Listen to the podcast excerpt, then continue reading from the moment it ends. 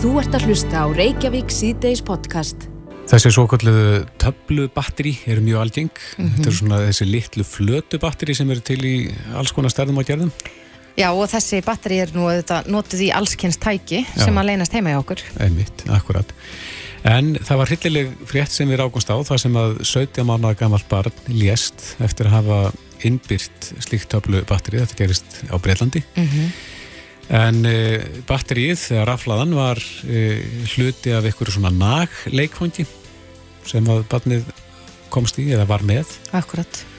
Og hefur einhvern veginn losnað úr því og, og hróttið ofin í barnið. En, en þetta leiður hugan af því að þessi batteri eru stór hættuleg ef að þau eru gleift Akkurat og, og, og sérstaklega þegar um svona lítil börn er að ræða, maður nú velti nú bara fyrir sig hvers vegna það þurfa að vera lítill aðskota hlutur í einhverju sem börn eiga að naga. Já, akkurat. Herdís Storgård hefur lengi komið að slisa börnum uh, barna og uh, hún er á línunni hjá miðstöð slisa barna barna. Kom til sæl. Komið í blessaðu sæl. Er svona slis algeng? Nei, sem betur fer, en... Uh, það, þetta gerist því miður alltaf öðru kóru og eh, það er nú ekki alltaf sem það endar með dauða sem betur verið að það hefur kannski nást að greina þetta fyrr. Hvað gerist? Það, það sem gerist er það að sko, þetta, eru, þetta eru, það eru tvær útgáður af þessu, það er þessi töflubatteri, þetta er eða kallað napparaflöður mm -hmm. og, og töfluraflöður, þetta er svona tvennskonar neismunandi. Já og eh, af því að þeir voru að lýsa þessu leikfangi sem var þess valdandi að barni lést fyrir það fyrst að þá er algjörlega bannað að hafa raflöður í eh, leikfangum eða einhvernum búnaði sem er framleitu fyrir barn yngre en tryggjára. Þannig að þetta hefur verið eitthvað drast, það er nokkuð ljóst. Því að sko leiktæki sem að, nei leikfæri, leikfang fyrir ekki að því sem að uppfylla alla kröfunar þá, er, þá þarf að nota skrúja til þess að komast af ráðsleginni þegar fólkdarnir er að skipta. Mm -hmm. Það er fyrir eldri börn og það er mjög stramt. Og, en við ætlum svo sem ekki að fjallum það, en málið er að það sem gerist er það að þetta er svo lítið náttúrulega að barnið setur þetta upp í sig, svo, svo gleipir það það þetta og það er þessi svo kallega plúslið á því, þið kannist við það, það er það sem að það eru hólur, það er svona eins og þessi búið að gata í árni öðrum megin, mm -hmm. það er þess að plúsliðin. Og það byrjar strax af því að uh, það sem gerist oft er það að raflaðan sógast fast við magavekkin og er bara fast þar og svo legur smá saman þegar vessin úr maganum fyrir að fara þarna inn og þetta blotnar upp og þá fyrir að leka út. Og uh, þetta tekur eh, því miður ekki marga daga. Við erum að tala kannski um eitthvað þrjá, fjóra daga. Þá er eh, efnið búið að naga sig í gegnum magan á barninu. Það er bara komið það. Mm -hmm. Þetta er svona ætandi efni? Já, þetta er ætandi efni. Og börnin, börnunum þeim hreinlega bara blæðir út. Og það sem er svo óhugnalegt við þetta er það að þau verður nánast engjana laus.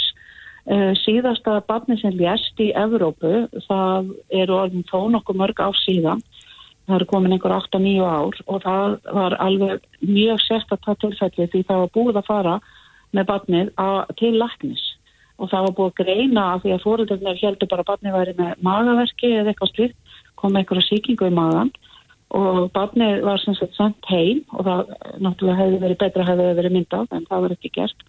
Og skömmu setna lést barnið, því blætti bara út Mm -hmm. Þannig að það var, var alveg óbúslega mikil umræða um þetta einmitt í Evrópu að vara við og það fór átagsverkefni af stað af því að eins og þeir komið inn á í byrjun að þá er þetta orðið miklu algengara í hlutum því að fjárstýringar eru svona svo litlar, þær eru konar með þessar hluturaflöður mm -hmm. og þetta er það sem að er líka, það eru þessi eh, kort, ammæliskort og jólakort sem er verið að senda e, börnum kannski og fórölda kannski átt að segja á því að lítið barn er að laga pappiskorti þá náttúrulega blotnar það upp og, og engin vant að koma staður aflöðinni eins og mér skilst að það er gert í þessu tilfelli. Og það er í raun og verið erfitt fyrir fóröldra átt að segja á því að barni hafi gleiftir aflöðin, það geta verið það litlara að, að það er reynilega bara standa ekki einu svona í, í hálsi barsins. Nei, nei, það fara bara, kingja þessu bara eins og hverju öðru sem þau eru mat sem þau eru að borða, þetta er svo lítið. Mm -hmm og hérna, þess vegna er þetta svo hættulegt. Þannig að það er mjög mikilvægt að, að mitt vekja aðtekla á þessu eins og þeir eru að gera núna að fóreldra átti sig á því og líka það sem ég langar að benda á sem er það að e, við erum að hugsa svo vel um að e, passa að fara með allt í endurvinnsluna og sorpu og það eru oft svona litli sapkassar heima hjá fólki sem eru sérstaklega fyrir aflöður og e, þetta er oft bara gengt í hérna, skápnum undir vaskinu af því að fólk áttar sig ekki á því að þetta er svo hættulegt og ég veit um sko nokkur tilfelli þar sem að barna var komist í það á Íslandi en ekki orðið meint af að því það greindist strax sem sagt. Mm -hmm. Þannig að þegar ég er að fræða fólkdra þá bendi ég þeim alltaf á þetta að þetta þarf bara að geima og læsa inni alveg eins og önnur hættilega efna á heimilinu. Því að þó það séu útrunnast að þá geta það ennþá gefið frá sér eh, hættilega efni. Akkurat og það sama hlýtur að eiga við um sko pakningar af svona rafluðum ef maður á já, lager af þessin í skáp. Já, það eiga að vera, það eru mjög stranga reglur um pakningar á rafluðum, það eiga að vera í, í svo kallum eh, töflu töflupakningu því það ekki það þegar maður er að taka eina töflu þá þrýstir maður til þess að þrýstin út mm -hmm. e, og það á að vera mjög erfitt að ná henn út, það er ofta eldra fólk er að kvarta hundan því það bara allar ekki að nára afsluðin út af því að það er svo erfitt en það er barnaður ekki sem Já. er verið að hugsa um fyrst og fremst mm -hmm. En hertist það svo stifti máli að fá rétta greiningu eins og segir að það er ekki alltaf sem að þetta greinist þegar að farið með börnin til læknis Nei, það er náttúrulega því að enginn vissi sko eins og í þessu tilfelli fóröldarni grönsku þeir eh, komið fram í fjölmela og voru mjög opinskáður um allt sem hafði gerst af því þau vildu ekki að þeirri fóröldar myndu lenda í þessu atveki og þau hefði mitt lístu öllu sem að þau hefði geta gert betur og, og líka þetta að, að þeim grunaði ekki að barnið hefði gleift þessa raflu og þau vissi ekki einu sinni þau hefði ekki hugmyndum hver barnið hefði komist í þetta vegna þau hefði ekki verið með þetta heima hjá sér. Einmitt. En eru fleiri hlutir sem að kannski leina á sig sem eru stór hættulegi fyrir börn? Það eru heilt til dæmis af svona litlum seglum?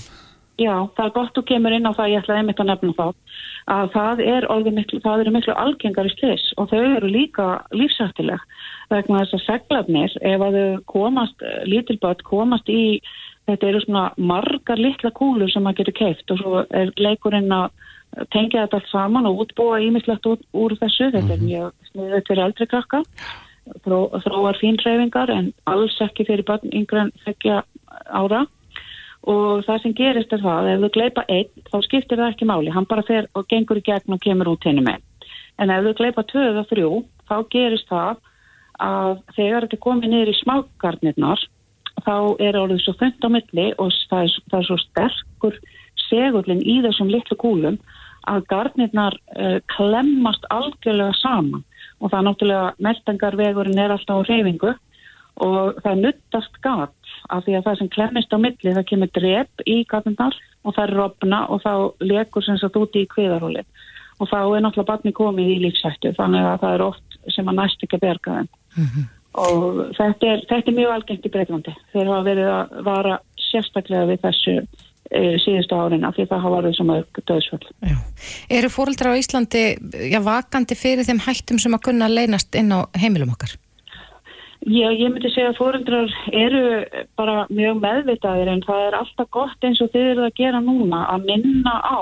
Fólk heyrir þetta og það minnir á eða einhver heyrir og segir öðrum og það er bara alltaf, alltaf gott að minna okkur öll á allan tíman. Þannig að Já, fóröldur leita mikið af upplýsingum og ég náttúrulega er alltaf að kenna uh, nýbökuðum fóröldurum eða fóröldur sem eiga vona börnum og þeir eru mjög námsfúsir og, og senda mér oft talupósta og, og, og skila bóði í kjálfærið og spyrja um allt mögulegt svona.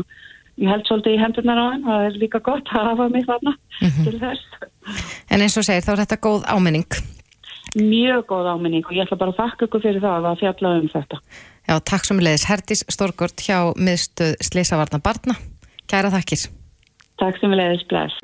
Þú ert að hlusta á Reykjavík C-Days podcast. Þannig að mikið fjallað um uh, þetta mál með uh, bladamennina sem hafa verið bóðað til lífirheyslun með stöðu sagbornings. Akkurat. Margir búin að tjá skoðun sína á þessu máli, margir uh, sem eru nexlaður á, á á framgöngum málsins að, að þarna séu bladamenn með stöðu sakbortnings í, í máli sem að verðist hverfast um sko brot eh, gegn friðelgi engalífs. Já, já, fjármálar á þeirra hann blandaði sér umræðan og setti fæslu í gærin á neti þar sem hann uh, undraði sig á því að bladamenn geti ekki eins og aðrir uh, mætt til yfirhersli á lauruglu til að varpa ljós á mál sem eru til rannsóknar. Mm En uh, það er svona spurning sko, við höfum heyrt það að, að já, í raun og veru að þá sé aðli sem er með stöðu sakbornings í máli betur settur við slíkar aðstæður heldur en til dæmis ef hann er kallaður til uh, sko vittnisspurðar Já, að það sé uh, önnur staða sem að menn er í, það er að segja að það sé betri staða að vera sakborningur heldur en vittni Já, það er spurning hvort það sé rétt að tólka þannig við uh, þekkjum það nú ekki en, en á línu hjá okkur er Helga Vala Helgadóttir þingmaður samfélkingarnar og, og lögmaður. Komdu sæl Helga Vala. Sælveriði Já, það er mismunandi kröfur gerðar til annars vegar manns með stöðu vittnis og hins vegar með stöðu sakbornings. Já, í rauninni. Þe- sko, þe- þetta er rétt og ránt sem þið eruð að segja. Mhm. það er rétt að því leiti að þegar þú hefur réttastöðu sakbornings þá í rauninni þarftu ekki að svara spurningum sem að, sem að, þér er bein Mm Eh, þú átt rétt á að, að, að hafa með þér verjanda sem er, er þá greitur af, af lauruglunni og, og, og uh, átt rétt á að fá öll gögn málsins afhend. -hmm. Uh, allt þetta til dæmis á vittni, eða hefur vittni ekki rétt á. Vittni verður að, greina frá því sem að, að það var vittni að. Það er vittnarskylda þannig að það má sækja þig til dæmis ef, til, þess að, til þess að gefa skýslu og, og, og í rauninni þú getur ekkit uh, þú átt ekki rétt á að hafa, hafa löglarðan einstakling við hlið, þú verður það bara að, að óska eftir því að fá að hafa lögmann við hlið. Þannig að, að þýleiti er það alveg rétt. Uh, samt verður auðvitað að, að horfa til þess að það er mjög íþingjandi að, að hafa stöðu sagbortnings af því að þú færði ekki stöðu sakbortnings nema að, að uh, þú sért ásakaður um hefningalagabrót og, og að það liggi grunur á uh, því að, að, að þú hafi gerst sekur um að brjóta lög. Og í þessu tilviki þá verðum við að horfa á laga ákvæðin sem að þessi blaðamenn átt að hafa brotið sem að er uh, tók breytingum á alþengi fyrir ekki svo löngu síðan. Og, og það er þetta varðandi friðhelgi engalífs Mhm. Og í þessu ákvæði er að finna svona sérstak, uh, sérstakar undanþáu uh, vegna almannaheilla í rauninu og það er það sama og vísa því við þegar að fjölmiðlar eru að fjalla um mál. Við höfum fjölmörg dómafordami fyrir því til dæmis bara í lögbannsmálunu Mhm. á sínum tíma En Helga Vala, hvernig, sko þetta mál, við vitum auðvitað eh, ekki allt sem að, lauruglan veit og, og þessir einstaklingar hafa ekki enn gefið skýrslu í málinu. En hvernig lítur þetta mál út fyrir þér? Er, er- kemur að þið spánst fyrir sjónir að- lauruglan sem er þessum hæ, hætti að sko hefja rannsókn, frumkvæðis rannsókn á, á broti eh, gegn friðelgi engalífs? Já, mér finnst það svolítið skrítið af því að, að, að já, ég auðvitað, auðvitað veit ég ekki sko hvert sakarefnið er þannig nema bara þetta sem ég hef lesið um í fjölmiðlum að, að, að þeim er gefið að söka hafa verið að byrta þær upplýsingar sem að, sem að þeim bárust uh, og, og þær upplýsingar, hverja voru þær upplýsingar? Jú, það voru upplýsingar um það þegar að uh, skæruliða her samherja uh, lagði á ráðin um það hvernig þau ættu að koma í veg fyrir að tiltekin einstaklingur myndi bera vittni í til dæmis mútumálinu, mm -hmm. hvernig þau ættu að, að, að klekja á ákveðnum nafngreindum einstaklingum. Uh, hvernig þau ættu að láta ákveðin aðila vera skrifaðan fyrir greinum sem að einhver annar skrifaði og svo framvegis og framvegis. Þannig að þetta voru auðvitað upplýsingar þess eðlis að ég held að það sé ótvírætt að þær eigi erindi við almenning. Og við getum alveg bórið þetta saman við einmitt, hérna lögbansmálið þar sem að niðurstaðan var á öllum tómstegum að það hafi verið réttlætanlegt að fjölmiðli að greina frá því að fjármálaráðherra og formaði sjálfstofnflokksins hefði fengið niðurfellingu skulda í hruninu. Þó að það séu þetta líka persónu upplýsingar. Mm -hmm. Fjármála einstaklinga eru persónu upplýsingar og það er alveg ótvírætt. En það var bara með þessu svo að, að það væri, þetta væri þess aftur upplýsingar að það er skiptu almenning máli. Þó að þessar upplýsingar séu fengna með sagnæmum hætti? Já, að, sko, það var ekkert verið að, að, að vísa í það að fjölmiðlinn hefði uh, sótt upplýsingarnar. Við erum líka með sko vernd uppljóstraða og í þeim lögum og í lögum um fjölmiðla hafa bladamenn rétt á því að neyta að gefa upp heimildamenn sína. Þannig að við erum með margs konar vernd fyrir fjölmiðlafólk. Mm -hmm. En, en svo vernd myndi gilda óháð því hvort að þessir bladamenn eru vittni eða sagborningar í málunum? Uh, já, sko, sagborningur má alltaf neyta tjá sig. Mm -hmm. Já, það er þannig. En hefði verið eðlilegra að þeir hefðu fengið stöðu vittnis held frekar en sagbornings? Þá hefðu þeir geta skilt sér á bakvið bara þennan grundvallarétt fjölmjölafólks að þurfu ekki að gefa upp heimildamenn sína. Mm -hmm. Þá eru þeir raunni vittni. Þannig að þetta, þetta endar svo sem á sama stað. En það eru þetta svolítið, þú veist, við erum komin á svolítið hættunar stað þegar fjölmjölafólk er kallað inn í skýrslutöku sem sagborningur fyrir það að flytja fréttir vitið, mm -hmm. þetta gerist ekki í, í, í nútíma líðræðisríkjum. Þetta gerist í annars konar ríkjum sem að við viljum alla jafna ekki bera okkur saman við. Það er bara þannig. Við vitum alveg hvað það þýðir. Við vitum alveg af því að það verða fangelsa fjölmeilafólk og jafnvel ganga enn lengra í, í ákveðinum vanþróðum ríkjum og ég held að við viljum ekki vera þar. En viltu meina þá að lögreglan á Norðurlandi ekstra sé þá í eitthvað skonar pólitík? Já, ég, ég, aftur segi ég, ég veitu þetta ekki hvert sakarefnið er, en mér líst vægast sagt ítla á, á það sem ég er að horfa á, ef rétt er, sem að, sem að ég sé í fjölmunum. Það bara líst mér bara mjög ítla það. Mm -hmm.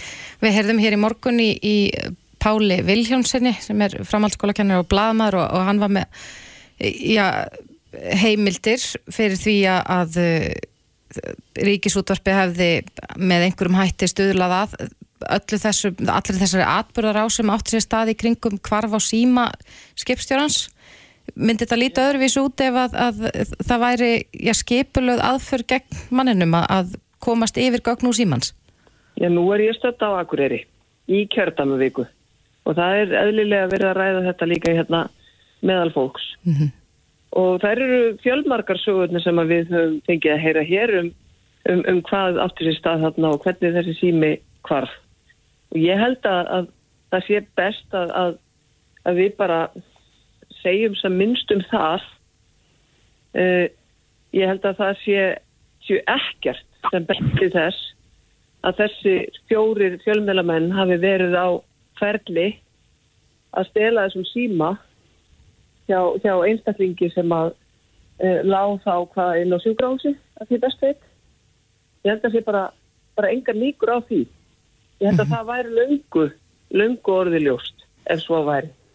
Akkurat, þetta snýr líka að sko afritun á síma skipstjórnans hvort að, að aðilar innan rúf hafi reynlega skipulagt þann verknað? Já, ég lefði mér nú að efast um það. Já. En, en sæðan er krasandi. Hún er það. Mm. Helga Vala Helgadóttir, þingmaður samfélkingarna. Við sendum bara bestu hvaðjur norður og kæra þakki fyrir þetta. Takk, takk, kærlega. Þetta er Reykjavík C-Days podcast. Það er búið að vera stormviðra samt hjá eblingu undanfarið. Já, og ég senkt í gerð kvöldi, ég fylgist nú með þessu í beitnu og ég satt eiginlega bara sko limd við skjáin að býða eftir niðurstöðu úr, úr formannskjörinu en, en mhm. bjelisti Solveig Rönnu vann örugan segur í, í formanns- og stjórnarkjöru eblingar í gerð kvöldi með 52% atkvæða. Maður var búin að fylgjast með átökum innan eblingar en það virtist vera að farast ró svona yfir ástandið þarna. Akkurat. En það er spurning hvað gerist nú. Við heyrðum nú af því að starfsmenn eflingar hefði fundað í morgun og þetta hefur verið auðvitað svona sko barat á milli formenskunar og, og, og já, starfsmanna á skrifstóni. Mm -hmm. En á línunni hjá okkur í dag er Linda Dröpp Gunnarsdóttir sem er framkvæmtastjóra eflingar. Kom til sæl, Linda. Sælverði. Já, hvernig hefur dagurinn verið eftir, eftir tíðindi gerðkvöldsins?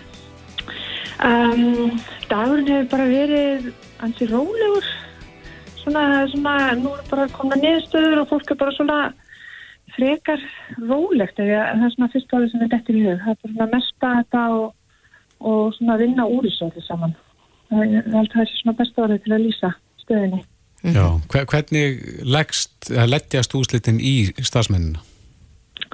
Um, nú náttúrulega bara frekar æriðt fyrir mig að svara fyrir starfsmennina í heilsinni mm. en hérna það hefur náttúrulega verið ég hef fundið fyrir tölugunum svona kvíða og óruleika yfir því að hvernig þetta muni allt saman fara og nú er það náttúrulega bara orðið staðfæst og, og ég svona já ég finn það að fólk er svona kannski í pínu svona já áfalli kannski er hægt að segja einhverjir allavega hana þannig að það er fólk er bara svona netastuð sína á framhaldið og og það sem við hefum bara gert náttúrulega sem yfirmenn hér er svona bara að hérna startið stálinu og, og halda hérna fókusnum bara á verkefnunum og vinnunum sem er hér á okkar vinna Já, er fólk óurugt með starfið sitt?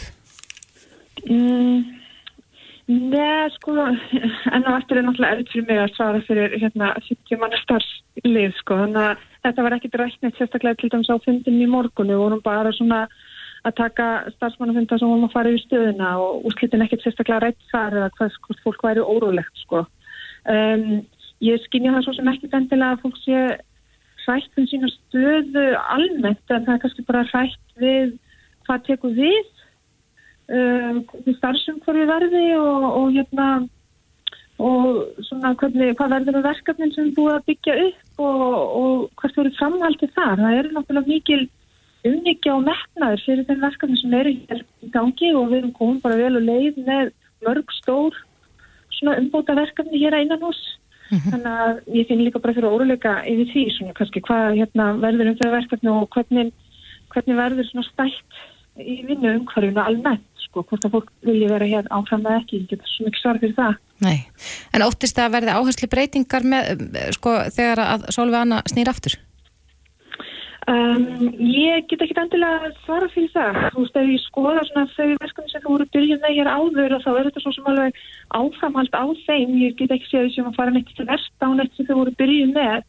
Svona meira fórum kannski bara almenna innleifingu og, og fá starfsfólkið og aðra svona meira að stað og, og skýra verkferðlana og svona kannski hugmyndafræðin var kannski alveg svo sem á svipum stað en við erum kannski bara komið lengra í gang með það en það er svona meira já, þú veist, ég get eiginlega bara ekki svara fyrir það. Þú veist, það er kannski frekar að spyrja Solveig nú til það hvernig hún sér það fyrir sig en ég held að þetta kannski líka bara eftir þessi miklu miklu óróleika og, og það er náttúrulega búin miklar yfirlýsingar bæði fjölmjölum og samfélagsmjölum að hérna bæði frá hérna bjölistanum og fólki sem að stiður þau og, og eru þar að lista í garð eh, starfsfólks hér á skristofinni, bara svona almennt og það er náttúrulega líka bara órulegið því svona, hvernig við vinnum hverju verður, svona almennt bara.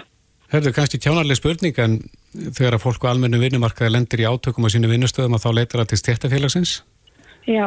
Hvert leitar starfsfólk eblingar ef það lendir í vandræðum? Já, það er vissulega áhugaverð spurning og hérna langstærsti hluti e, starfsfólks hér eru eflingafélagar og eru félagar í eflingu. Þannig að það er líka skokk, skokku við þegar vera egna á móti sko, skrifstofu gegn félaginu eflingu þetta er nú langmest hér félagsmenn eflingar sem starfa hér innan hús þannig að það hérna hefur verið flókið sko. Það hefur nokkula verið þessi túna menn sem hafa starfa hér en það eru umræður innan reyfingar um úrræði fyrir starfsfólk sem vinna hjá stjættafélum hvert þau geta leitað Þurfti það að vera þá félagar í öðrum stjættafélum? Um, það er svona, það er, þetta er að breytast núna það sem er náttúrulega bara mikilvægast að maður sé því stjættafélagi sem að á við manns starf, skiljum mig mm -hmm. og þess að hér innan hús er fólk sem vinnur störf sem að kannski ekkert eiga endilega við það eiga vera í eflingun hér áður fyrir týðkast bara þegar þú vannst fyrir stjættafélag þá varstu bara í því stjættafélagi þó svo í rauningum það ætti ekki við þitt starf þetta er að breytast hægt og róla og hérna eru komin, eru komin inn fleiri stjættafélag, það eru einhverju félag hér í Vattar og HM, mm -hmm. en í miklu minnuluta, ég held að þetta sé um 40 mann sem eru eflingafélag hér inni að þá. Af starfsfólkin á skrifstofunni þá? Já, já. Mm -hmm. þannig að þetta er flókin staða. Akkurat. En næstu dagar, hvernig, hvernig spilast þær út hjá ykkur? Er, er komin dagsetning á það hvenar Solveig Anna tekur við embettinu? Uh, nei, Solveig Anna tekur ekki við embætti fyrir en að aðalfendur hefur verið haldinn og hérna sko samkvæmt venju það er náttúrulega er ákveð hefur ekki verið ákveðin dagsetning fyrir aðalfend uh, hann ætti raunin ekki að vera fyrir einhvern tíma í byrjun april það er svona hinn staðlega dagsetning sko. Mm -hmm. og hérna þannig að það við horfum bara á, býðum bara eftir ákvörðunum það frá hérna frá tónaráði og stjórnum það hvernig hérna aðalfendur er haldin Já, akkurat. Þannig að hún taka ekkert strax við sko, núna tekur bara við tíma sem að við bara hérna náum, höldum okkar fókus og, og höldum okkar verkefni og hún er bara sannlega að starfsfólki haldi haldið sínu stríkjast og hefur gert hinga til og staðið alveg ótrúlega vel í sínu verkefni sem öllu sjó sem er búin að vera. Já. Linda Dröfn Gunnarsdóttir, frangvandastjóri Eblingar, gangi ykkur vel og kæra þakki fyrir spjallið. Kæra þakki sem við leiðis. Þetta er Reykjavík C-Days podcast. Ansi spennandi fréttir úr heimi læknavísinda Já. en bandarísk kona með kvítblæði er sögð hafa læknast af HVF verunni við stoppflömu ígræslu frá Gjava og þessi gafi var með náttúrulega vartni gegn veirunni. Mm -hmm. og uh, þetta, það, þarna erum að ræða fyrstu kona sem læknast af veirunni en, en nú þegar hafa tveir menn áður læknast. Já, maður heyrði hérna í gamla daga þegar að eitt sá frægasti Matic Johnson korfu boltamæðurinn hann eh, greindist með HVF mm -hmm. og einhvern veginn stóð maður þeirri meiningu að hann hafi læknast af þessu en það er kannski einhvern vill þessu þannig að það sé annar af þessum töðum og það er góð spurning En á línunni hjá okkur í dag til þess að útskýra þetta uh, frekar er Bryndís Sigurdóttir smittsjókdómalæknir á landsbytala. Komdu sæl Bryndís. Komið sæl og blessu. Já, þú hefur vantilega heyrst þetta líka með Magic Johnson, eða ekki? Jú, hann læknaðist við miður ekki. Nei. Eins og náttúrulega eiginlega allir með HVV. Þetta er í raun eins og stanir núna ólæknanleg síking en hún er vel meðhöndlanleg á, með, með lif. En vita menn hvað verður til þess að sumir læknast? Þannig eru þrýr einstaklingar í það minnsta núna. Já, það er mjög flókin erfið og tiltöla hættuleg tækni á bakvið þessar, uh, þessar einstaklingar sem þú varst að nefna og þetta byggist á cirka 20 ára gömlum upplýsingum eða vittnesku þar sem að uppgötaðist gen eða genamengi sem veldur því ef að einstaklingur er arfhreitt, þar sem fær eitt genabúta frá mömmu og eitt frá pappa, cirka 1% uh, svona kvítra Evrópubú er með þessa arfhreina breytingu, mm -hmm. það veldur því að það vantar ákveðna viðtaka á hjálparfrumur eða tjefrumur sem við erum með í líkamannum og þessi viðtaki er nöðsulega svo að háið vatn veiran tengist frumunni og eðileggur hann og þar að leiðandi veldur ónæmi spælingu. Þannig ef að þú ert í þessum 1% að vera með þessa arfreina blöndu þá ertu ónæmur fyrir háið vatn og þetta höfum við vita núni í eitthvað tíma ótrúlega áhugavert í raun og veru. Mm -hmm. En er sem sagt verðan að, að í, græða í einstaklinga Já. með HVF þessar stoppfrumur úr þessum þá einstaklingum sem eru ónæmir? Ef að þú ert svo óheppin að hafa smittast af HVF og verið á þínu livjameðferð og, og gengið svo sem til að vel með en útlitt fyrir því að þú þarfst að vera á ævilangri livjameðferð mm -hmm. en greinist svo með bráða kvítblæði sem er lífshættulegur sjúkdómur og, og afar alvarlegur. Ei, lækningin oft við fólk sem svarar ekki livjameðferð við kvítblæði er að fara í stoppfrumu ígræðslu og nota benni dánartíðnin þar er kannski 20-30%. Þetta er hættuleg meðferð. Mm -hmm. Þar sem þessir vísindamenn gerðu fyrst árið 2009 við svo kallan Berlínarsjúklingin eins og hann heitir. Hann var maður sem greintist með kvítblæð eftir að hafa verið með háið vaffi í, í, í 5-10 ár. Mm -hmm. Hann fekk stoppfrumugjafa úr einstaklingi sem að var vitað að væri með þessa arfreina stökkbreytingu og þannig þeir gefa þessu manni nýjar frumur eða beinmerksfrumur þar sem vitað er að frumurnar verða svo ónamar fyrir háða vaffeirunni. Þetta var fyrsti sjúklingur sem læknast 2009. Hann dó reyndar fyrir tæpum tveimur árum úr sinni kvítblæði notabene, ekki mm -hmm. háða vaff. Hann læknaðist. Svo kom 2019 og þar var annar sjúklingur, kallmaður, æmitt með kvítblæði mm -hmm. og hann læknast á sama hátt og núna þessi kona sem greint var frá, hún var líka með bráða kvítblæði en hún fær stopfrumur blandað úr sem sett í raun naflastrengsblóði og líka stopfrumur gjafa en þeir velja blóðið sérstaklega frá einstaklingu sem eru arðhreinir fyrir þessari hérna gena í raun stökkbreytingu sem ég saði ykkur frá. Akkurat þannig að í raun og veru þá erum við ekki að horfa fram á lækningu við HIVAF eh, eins og þú útskýrir þetta og ég vona að ég sé að skilja rétt að það er í raun Já. hættulegra að, að fara í gegnum þessa meðferð, þessa stoppfrömu ígræðslu heldur en reynilega að, að lifa með veirunni. Já, í raun og veru. Og þetta, var, þetta er ótrúlega áhugaverð tækni. Og þegar eftir 2009 þá voru náttúrulega margir sjúklingarnir mínir sem spurði um þetta og þetta var mikið svona fjölmil umfjöllun. En þegar maður útskýrir tæknina bakvitt og það var vitað í upphafi að þetta veri ótrúlega áhugavert vísindalega séð og hugsanlega grunnur fyrir áframhaldandi livja með fyrir eða skref í átta lækningu en þetta ferli per se er það áhættu samt og erfitt að þetta er einungis fyrir þá einstaklinga sem verður svo óhætnir að fá kvítblæði eða aðran svona hættulegan blóðsjúkdóm ofan í e, sína hái afsíkingu. En það var í fréttum núna um daginn að eh, sýkingum þar sem HVF sýkingu var að fjölga.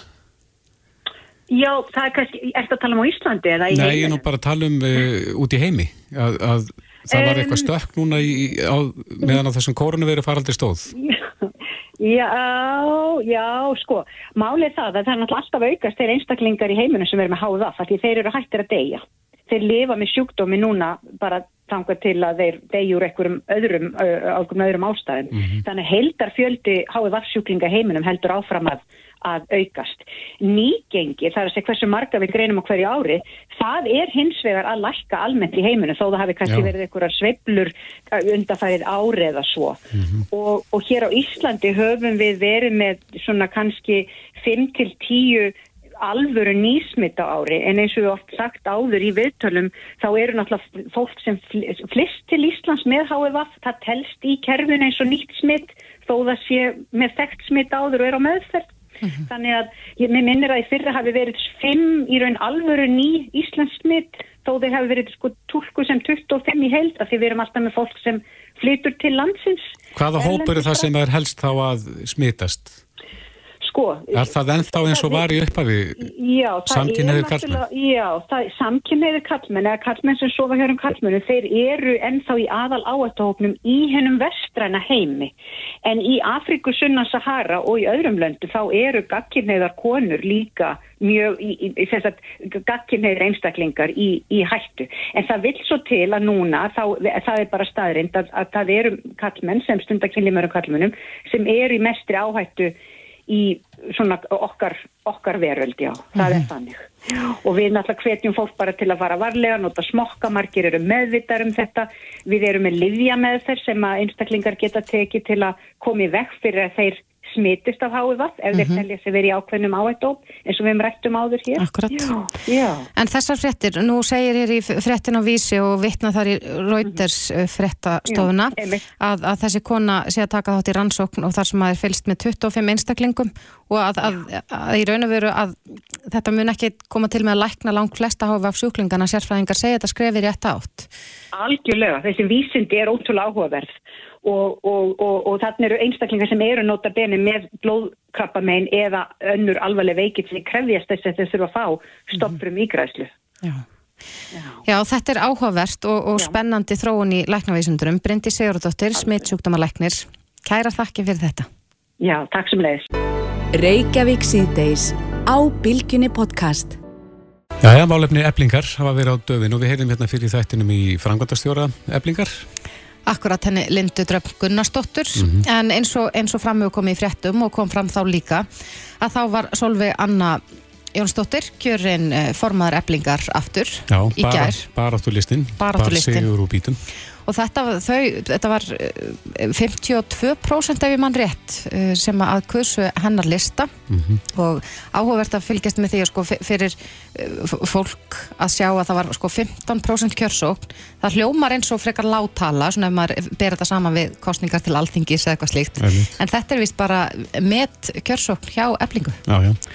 En eins og áður segir, þá uh, bar baráttulistin sigur úr bítum og formaður þess lista er á línunni. Solveig Anna Jónsdóttir, kom til sæl Já, komið sæl. Já, hvernig hefur dagurinn verið, Solveig Anna? Þetta var ansi spennandi gerðkvöld og, og, og úrslitin letur nú aðeins á sér standa þarna undir lokin? Já, þetta er búið að vera um, bara uh, svona, svona pingur svona spennu fallstagur. Um, þetta er náttúrulega búið að vera mjög um, intensív um, og ofta tíðum þetta bara mjög erfið og, og hatram kostningabarta. En hvað býður núna? Hvað segir þau? Hvað býður núna? Hvað, Já, hvað gerist næst? náttúrulega er ég ekki tekin við vegna þess að til þess að það gerist þarf um, að halda aðalfund eða auka aðalfund til þess að um, þessi svona valdaskipti geti farið fram þannig að þannig að það gerist þá um, er ég ekki komin sem sagt þarna inn í, í þessa formensku Mm Liggur fyrir að það sem er mikilvægt að verði að halda aðalfund sem fyrst og býstu þá við því að, að það verði haldin svona auka aðalfundur til þess að valdaskiptin geti átt sér stað? Já, sko, ástæðan fyrir því að trúnaráð tók um, ákvörðun í november um að flýta kostningu var svo að um, ástæða fólks var að það þurfti náttúrulega að skýrast sem fyrst hver ætti að leiða félagið. Um, nú hefur það skýrst og ég er komin hérna með þetta umbúð félagsfólks að því leiðir svo að um, að mínu viti er eðlilegt að halda auka aðalfund sem fyrst þannig að þetta geti þá um, raunverulega uh, klárast að ég og félaga mínir komum þá þarna inn í stjórn og tökum við því hlutverki sem að félagsfólk eflingar hefur fælið okkur að gegna. En, en það er þess að trúnar að ákveða þetta og ég bara auðvitað býð eftir, eftir niðurstöðu það. Já, eins og við sagðum að þá heyrði við Lindu Dröpp Gunnarsdóttir Frankværtastjóra áðan og, og, og hún sagði nú reyndar uh, nokkuð skýrt að hún talaði ekki fyrir, uh, gæti ekki tala fyrir hönd allra starfsmanna eflingar en, en, en hvernig líður þér með það að fara aftur inn á vinnustæðin eftir allt sem áhefur gengið?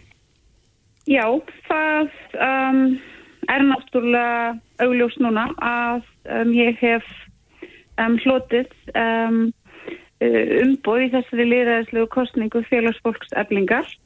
Þannig að ég um, nýtt þá í annarsinn þess tröst að leiða félagið. Og ég bara býst við því að um, það muni bara allir átta sig á þeirri stöðu uh, sætta sig við hana um, og að um, ég tæki við stjórn í félaginu og að um, starfsemi skrifstofunar haldi áfram. Ætlað þú að reyna að koma á einhverjum sáttum þegar þú kemur aftur á milli deilu aðila?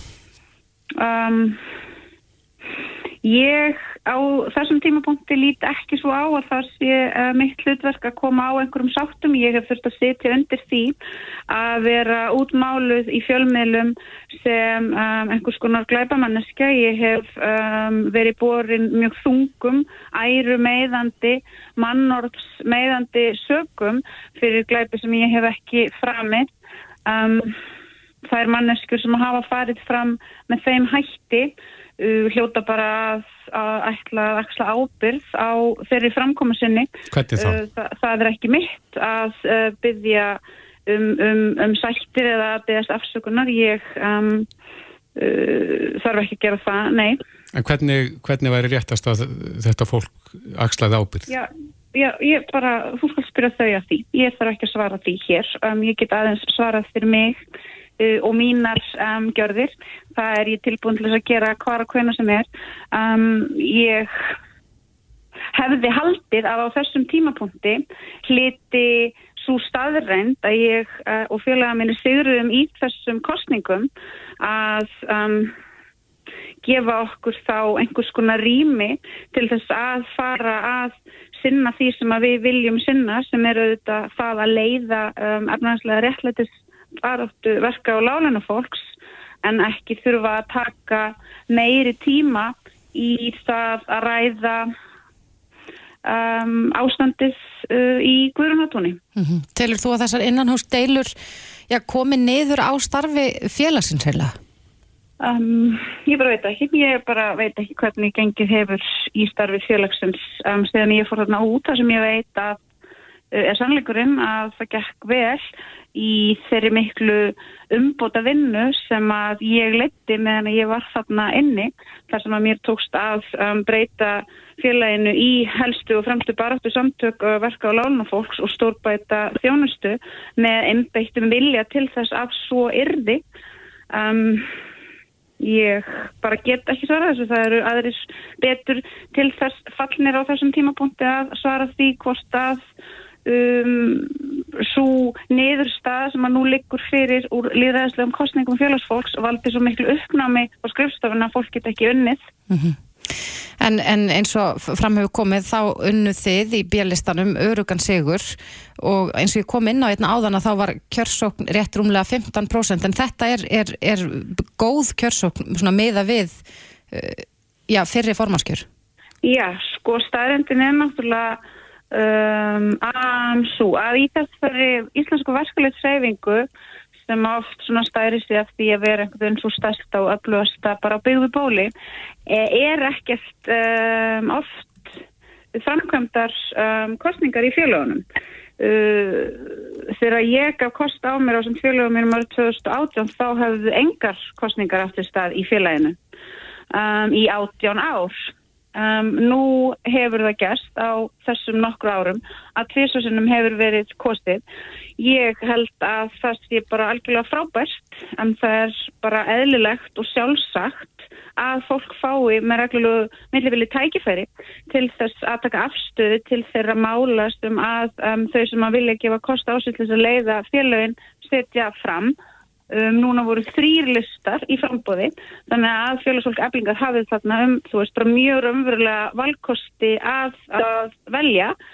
Um, já, þetta er ekki mikil þáttaka, hann hefur þó aukist síðan síðast og um, við þetta bara um, trúum því að ástæðan fyrir því að hún hefur aukist sé um, ekki síst svo að okkur hefur náttúrulega tekist að virka félagsfólk til þessu umverulega Um, að ekki bara hafa áhuga á eigin kjörum og eigin baráttu heldur líka um, trúa því að félagið sé emmi þeirra líðræðislega vatnvangur til þess að beita sér. Mm -hmm. Þannig að ég er bara að fagna því. Að þú sagði líka að þér sem annar varafósiti ASI á, á síðast ári, sérðu fyrir þér endur komið þangaðinn líka? Uh, nei, ég sé ekki fyrir mér endur komið þangaðinn um, að þessu sinni. Hvers vegna? Já, ég bara hef ekki áhuga á því að fara í þá stöðu aftur. En það er það svo sem heldur ekkert eitthvað sem ég geti heimtað. Það er náttúrulega slíkt, slíkt uh, val fer fram bara á þingum alþjóðsambandsins. En nei, ég hef ekki áhuga á því. Ég ætla að einbeita mér að eflingur. Ég ætla að einbeita mér að því stóra verkefni sem það er um, að leiða þetta félag um, við erum á leðinin í kjærasamningsviðræður og ég held bara að um, öll mín geta, færni og orka eigi bara að fara í það að um, vinna stóra stigra í þeim kjæraviðra. Já, sérðu fyrir átök þar? Í kjæraviðraðanum? Já. Já, ég nei sko. Ég er náttúrulega komin með svona hérna svar og ég ætla þá bara að fá að, nota það hér núna aftur og það er heiðarlega og rétta svarið við þessari spurningu. Sé það svo að valdasettin geti hlustað og skilið kröfur okkar og geti átt að segja á því að um, aukin miskipting, stjættskipting, það að hér sé stór hópur af fólki sem að streytar allar svona æfi en ásamt aldrei nokkur skapaðan hlut, það að um, blokkar íbúði í útkverfi sé nú orðin svo dýra fólk get ekki einu sinni lengur þátt þessi dreyma um slíka munat um, skilji valdarstjættin að þetta er ólíðandi ástand og hlusti á þessar kröfur sem við setjum fram þá auðvitað þurfa ekki að verða átök ef við getum saminast í því að bæta kjörverka og láluna fólks um, fari áttur móti svo að það sé ekki vilji til þess að skilja þetta. Um, og um, þau sem einhvern veginn tellir sig eigendur alls á þessu landi uh, vilji áfram frá, fá einhvern veginn að hafa aðgangað uh, vinnafli á um, einhvers konar útslu verði inn í handónitum húsnæðismarkaði með þú veist launafjófnat og allt rugglið sem að vikjast hérna þá um, já ég menna þá munum við náttúrulega bara þetta þurfa að grýpa til þeirra ráða sem að við vitum að virka best í, í baróttum eins og, eins og þeirri sem framöndan er. Áttu þá við verkföll og, og, og fleiri aðgerir vinnumarkaðins? Á við það að um, ég hef ávalt trúið í og ég hef séð það og upplifað það bara í mínu eigin lífi að á endanum er það náttúrulega samstafa um, verkafólks sem að getur skilað mjög raunverulegum árangri og á endanum er það líka samstafa verkafólks sem að getur bara orðið hreyfiafl til góðs í þessu samfélagi, hreyfiafl til þess að emitt við getum byrjað að takast á við það að uppræta þá skömm sem um, nýðingskapur gagvart vinnuaflinu sannlega er. Mm -hmm. Já, Solvi Anna Jónsdóttir, ný endurkjörun formaður eblingar. Takk að kærlega fyrir þetta og gangið er vel. Takk fyrir. Hlustaðu hvena sem er á Reykjavík C-Days podcast. Það hefur verið blíkur á lofti þegar það kemur að efnahagslífi þjóðarinnar núna í, í eitthvað tíma. Já. E, inn á innherja Eh, viðsýtta við vísis þá er eh, tæft á þessu og þar er frétt sem að ber fyrir sögnuna verðbólka geti farið í 7% ef ekki tekst að hemmja íbúðaverði bráð. En íbúðaverð það bara liftist Það liftist og liftist eh, lásum fréttir af því að íbúðaverð á höfbrukarsæðinu hefði hækkað um, um sko 5 miljónir á, á tveimur mánuðum að meðaltali. mm, Þetta eru svakalar hækkanir og, og hækkanarnar hafa þetta verið svona gegnum gangandi síðustu mánuð og þá spyrum við þessu þetta sko er, er uh, hvað spilar þarna inn í, er það lóðaskortur eða eitthvað annað mm -hmm. og svo vitum við þetta að, að sko verðbólku spáin það er allskynns annað sem að spila þarna inn í eins og til dæmis oljuverða fleira. Já, en e, sá sem að spáir þessari svörtu spá, það er að segja að þetta geti farið í 7% verðbólgan er Konráð S. Guðjónsson, aðalhagfræðingur sjóastýringafélagsins stefnis. Í samtali við innherja en eh, á línunni er Bjarki Olsen Gunnarsdóttir eh, formaðu fjárleganemdar Alþingis, kom til sæl. Já, komið sæl. Já, það er ekki gott ef að verðbólgan fer í þessar hæðir en e, sérðu fyrir að það sé að koma böndum á hækkandi íbúðaverð með svona skjótum hætti Sko nei, þetta er náttúrulega afskaplega snúið, það er óvægt að segja það. Og eins og þið fóruð yfir að þá er það margt sem að spila þarna inn í sannarlega sem hefur þessi áhrif. Og uh, því miður að þá hérna held ég að sé nú það er enginn töfralaust til í þessu. Og, og þó að margur hafi nú meðal annars verið að velta því fyrir sér að, að taka húsnæðisvísutöluna eða út úr vísutölunni mm -hmm að þá auðvitað fjölgar það ekki húsnæði þannig að undirliggjandi vandin eru auðvitað áfram til staðar ja, Það hægir kannski á hækkun uh, verðbólgu? Já, ekki endilega en það auðvitað geti komið sér kannski vel fyrir þá í, skamman tíma sem að eru þó búinir að vera fjárfesta núna undanfarið sannarlega en, en já, ég veit ekki svo ef, ef það kemur nú inn margar íbúðir uh, á markaðin, hvað gerist þá? Þá vantalega lækkar íbúðaverð aftur þannig að það eru þetta það, sá vandi sem við stöndum alltaf fram með fyrir það er að segja þessi skortur á, á húsnæði það er uh, langt síðan að hann hefur verið ja, sakalegur eins og við erum að upplifa núna hér á höfuborgarsæðan allavega. Er þetta alfarið á ábyrð eh, sveitafélagana eða getur ríki komið eitthvað að málum hann? Þetta, svo sem auðvitað hefur ekki verið að koma að þessum málum uh, með stuðnislánum og nei með hérna því að setja út í stoppframlu og annars líkt þannig að, að sveitafélögur hafa geta nýtt sér það sem á einstaklingar. Þannig að ríkið hefur komið að því með þeim hætti og, og uh, fyrst og fremst er þetta bara við byggjum ekki nema eitthvað ákveðum hafmagn í einu Það er að segja bara, ég hugsa að sé ekki mannskapur til þess, eh, þannig að eh, það eru alltaf bara spurning sko, hversu satt við getum komið íbúum út á markaðin. Þannig að það eru bara þessu undirlikindi vandi og eins og ég segi að þó að hérna að, að vísut, húsnaðið eru tekið út úr vísutölu þá held ég það myndi ekki leysa það. Nei, er áheitju efni að íbúið sé að sapnast á færri hendur? Það er að segja að félug sé að setja um eigni sem er á lausu? Já, það finnst mér og ég, það er auðvitað eitthvað sem við getum uh, skoðað hugsanlega hérna þing, í þinginu en, en ég veit svo sem hef enga patentlausn á því hvernig væri þetta að ná utanum það en já, það er verulegt áhugjefni. Væri þetta að setja eitthvað kvóta á það? Það er allt hægt, þetta er allt mannanaverk, það er allt hægt en ég svo sem veit ekki hvort það vilji til þess en, en hérna, e, og ef það bara svo sem kann ekki kann eh, þá uh, lag, lagateksta ekki þegar það kemur að því hvort það hægt er að setja bönda á, á þetta, hvort það hægt er að hamla fyrirtæki með þeim hætti. Mm -hmm. Það er auðvitað ekki, ekki ábyggilega auðvelt eða einfalt verk að gera það. Nei, En, en hvað með eins og óljöverð? Nú sjáum við óljöverð hækka, gætu stjórnvöld gripið þar inni til að hemja verðbólguna og, og já, veita afslátt tímaböndið eitthvað slikt. Myndi það gagnast í, í svona baráttunni við verðbólguna? Jú, jú, kannski einhverju leiti fyrir tiltekna hópa myndi það ganga upp en í sjálfu sér held ég að það sé nú ekki á döfinni að gera það en uh, jú, það myndi eflust gagnast að einhverju leiki í skamman tíma fyrir einhverja en við auðvitað kannski verðum þá frekar að horfa hérna innan svæðis myndi ég segja, innan landsins hvað við getum gert annað í þessu að því eins og ég segi, ég held að við höfum séð þetta áður uh, gerast fyrir margt lengur íbúið verð hækka svona skart Þannig að ég held að það er eins og ég segi, það er engin patentlausn á þessu en ég allavega hyggst kalla til, uh, leggja það til við fjárleganemnd að við fáum á fund okkar, núna bara fljótlega, ymsa aðila til þess að fjalla um uh, þessi íbúður og húsnæðismál uh, og reyna svona ná utanum þetta og þá einmitt kannski í þeim tilgangi líka að, að vita hvort að við sjáum einhverja leið til þess að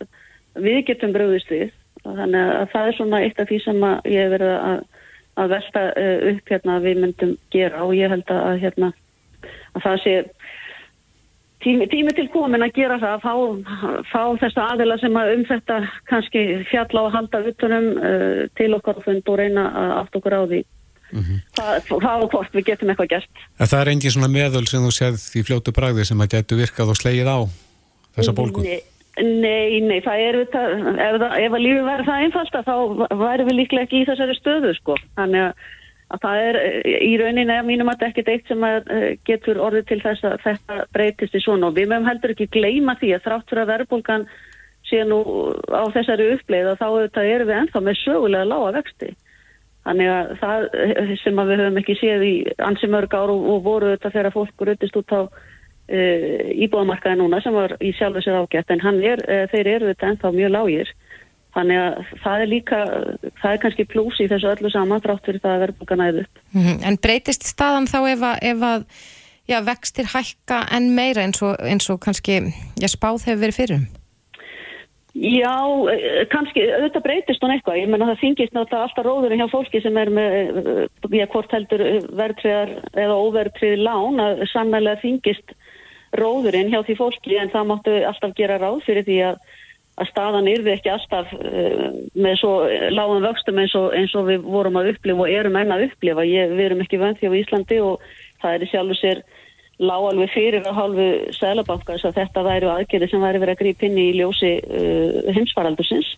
Mm -hmm. Þannig að fólk sem að hefur verið að, að kaupa sér uh, hlýtur að hafa gert ráð fyrir því að þetta er ekki eilíða staða Nei. en þetta er sannlega er samt mikill vandi og við þurfum að reyna að ná utanum hann og eins og segi við, ég hegst eh, leggja það til að, að þjálanum eh, fái á fundsinn fólk sem að heldur utanum þessi mál og getur kannski leitt okkur í einhverjar uh, leiðir til þess að uh, við getum þá haft einhver áhrif til batnaðar í þessu. Já, það má nú tólka spár bankana, þeir eru nú mis svart sínar þessar spár sem gefnar hafa verið út en, en já, flestir spá því að, að já, verðbólgan ver, ver, verði bæði sko lengri og þráláttar en áður var talið uh, og bankanir í raun og veru vara við því að það þurfa að koma böndum á húsnæðismarkaðin. Er þetta ekki ákall til ykkar sem að já, stýra landinu til þess að mm. gera eitthvað sem að í raun og veru grýpur þá í taumana? Jú, jú, og enda eins og ég segi, ég held að það séu allir meðvitaður um það, bæði e, í ríkistjórnin og eins við þingmennir um, um það að þetta er eitthvað sem við þurfum að taka fyrir og reyna að finna, finna einhverja leiðir til þess að þetta uh, verði ekki öllum ofiða, það er ekki staða sem að nokkur maður vil vera í. Nei. Þannig að þetta er eins og ég segi, ég allavega ætla að taka þetta fyrir minni nefnd, þannig að það, að, hérna, það er eitthvað skref. Já, fljótlega þá. Já, ég sé reyna að gera það bara mjög fljótlega. Núna bara, við erum þetta í kjördamaviku þessa mm. dagana. Þannig að ég sé reyna að taka þetta fyrir bara fljótlega núna í lók februar líklega. Ég þarf að sjá svona hvernig þetta getur leiði fyrir í nefndinni, málinn sem við þurfum að fjallum. Einmitt. En svona, já, já, mjög fljótlega myndi ég hérna sjá það fyrir mér að við getum fengið gæsti til okkar. Mm -hmm. Bjarki Olsen Gunnarsdóttir, formaður fjárlaga nefnda þingsins. Kæra þakki fyrir þetta. Takk, takk. Það verið blíkur á lofti þegar það kemur að... Reykjavík síðdeis á Bilginni podcast. Ofurskálinni er svo að segja nýlókið og margir sem að fylgdust spennti með.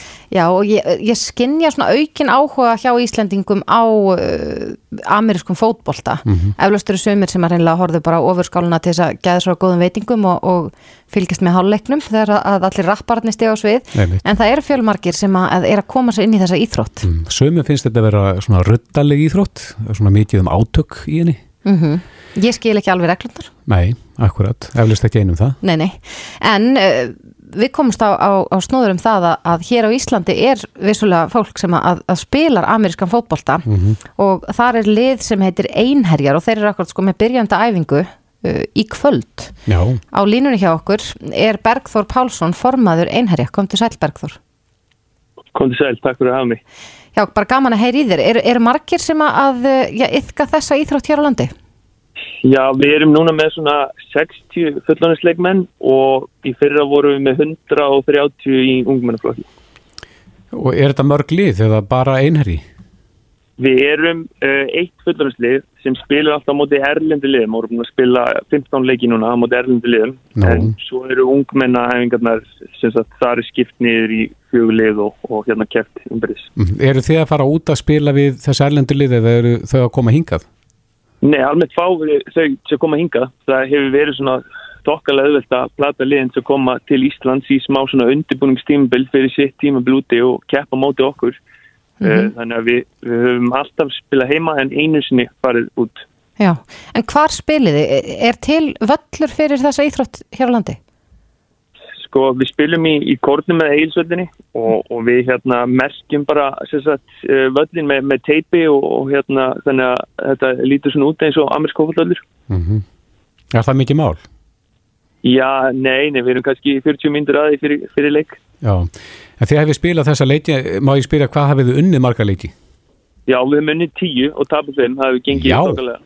Þannig að Já. það er bara ansi mikil, mikil hæfileika búnt í amerískum fótbolta hér á Íslandi.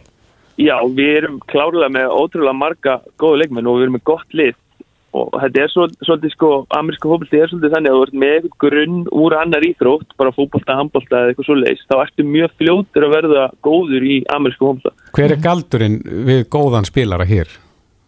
Það er náttúrulega, sko, það, það eru mismunandi stöður og þú getur verið e, góður í mismunandi hlutum. Þú getur verið e, góður á hlaupa grípa boltan Mhm. eða þú getur verið stór og mikill eða þú getur bara verið mjög snöggur og það er bara mismunandi stöður fyrir mismunandi hérna, styrkleika. Að það er svo sem ekki mikið galdur en, en svona handboltamenn og markmenn, þeir hafa oftast verið hvað bestir hjá okkur. Já, er þetta bara, er bara karlmenn í einherjum? Um, sko í fullaninsliðinu þá eru bara kallmenn já, en í ungmennafélaginu þá voru áf, nei, hérna, jú, átta stelpur í fyrra. Já, þannig að, að stelpur geta alveg eins æfta amerískan fótbolta eins og strákar. Já, það er bara ekki mál.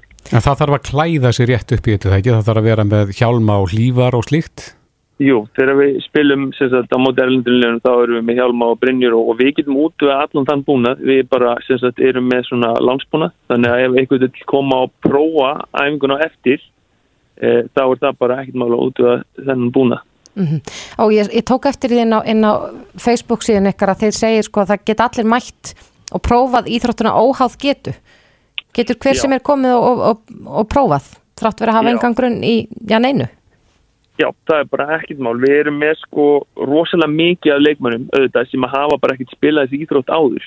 Þannig að auðvitað eru margir sko sem að hérna þannig að þó- að eitthvað sem að vil koma að prófa og hefur áhugjur af því að hann, hann sé ekkit endilega rosalega góður þá bara skal hann ekki hafa neinar áhugjur af því að því við erum með fullt af leikmönnum sem hafa aldrei spilað þessi íþrótt áður og er ekkit endilega rosalega góður. Mm Þannig að það er bara ekkit mál. En skinnjar þú aukin áhuga á þessari íþrótt hér?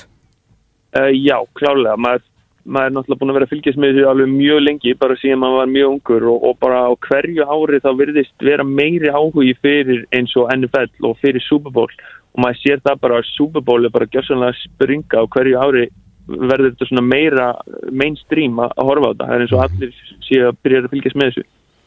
En þegar þú horfir á fullorðinsliðið ykkar, vantar ykkur að sérstakka týpur þar? Vantar stóra og stæðilega eða litla og sleipa?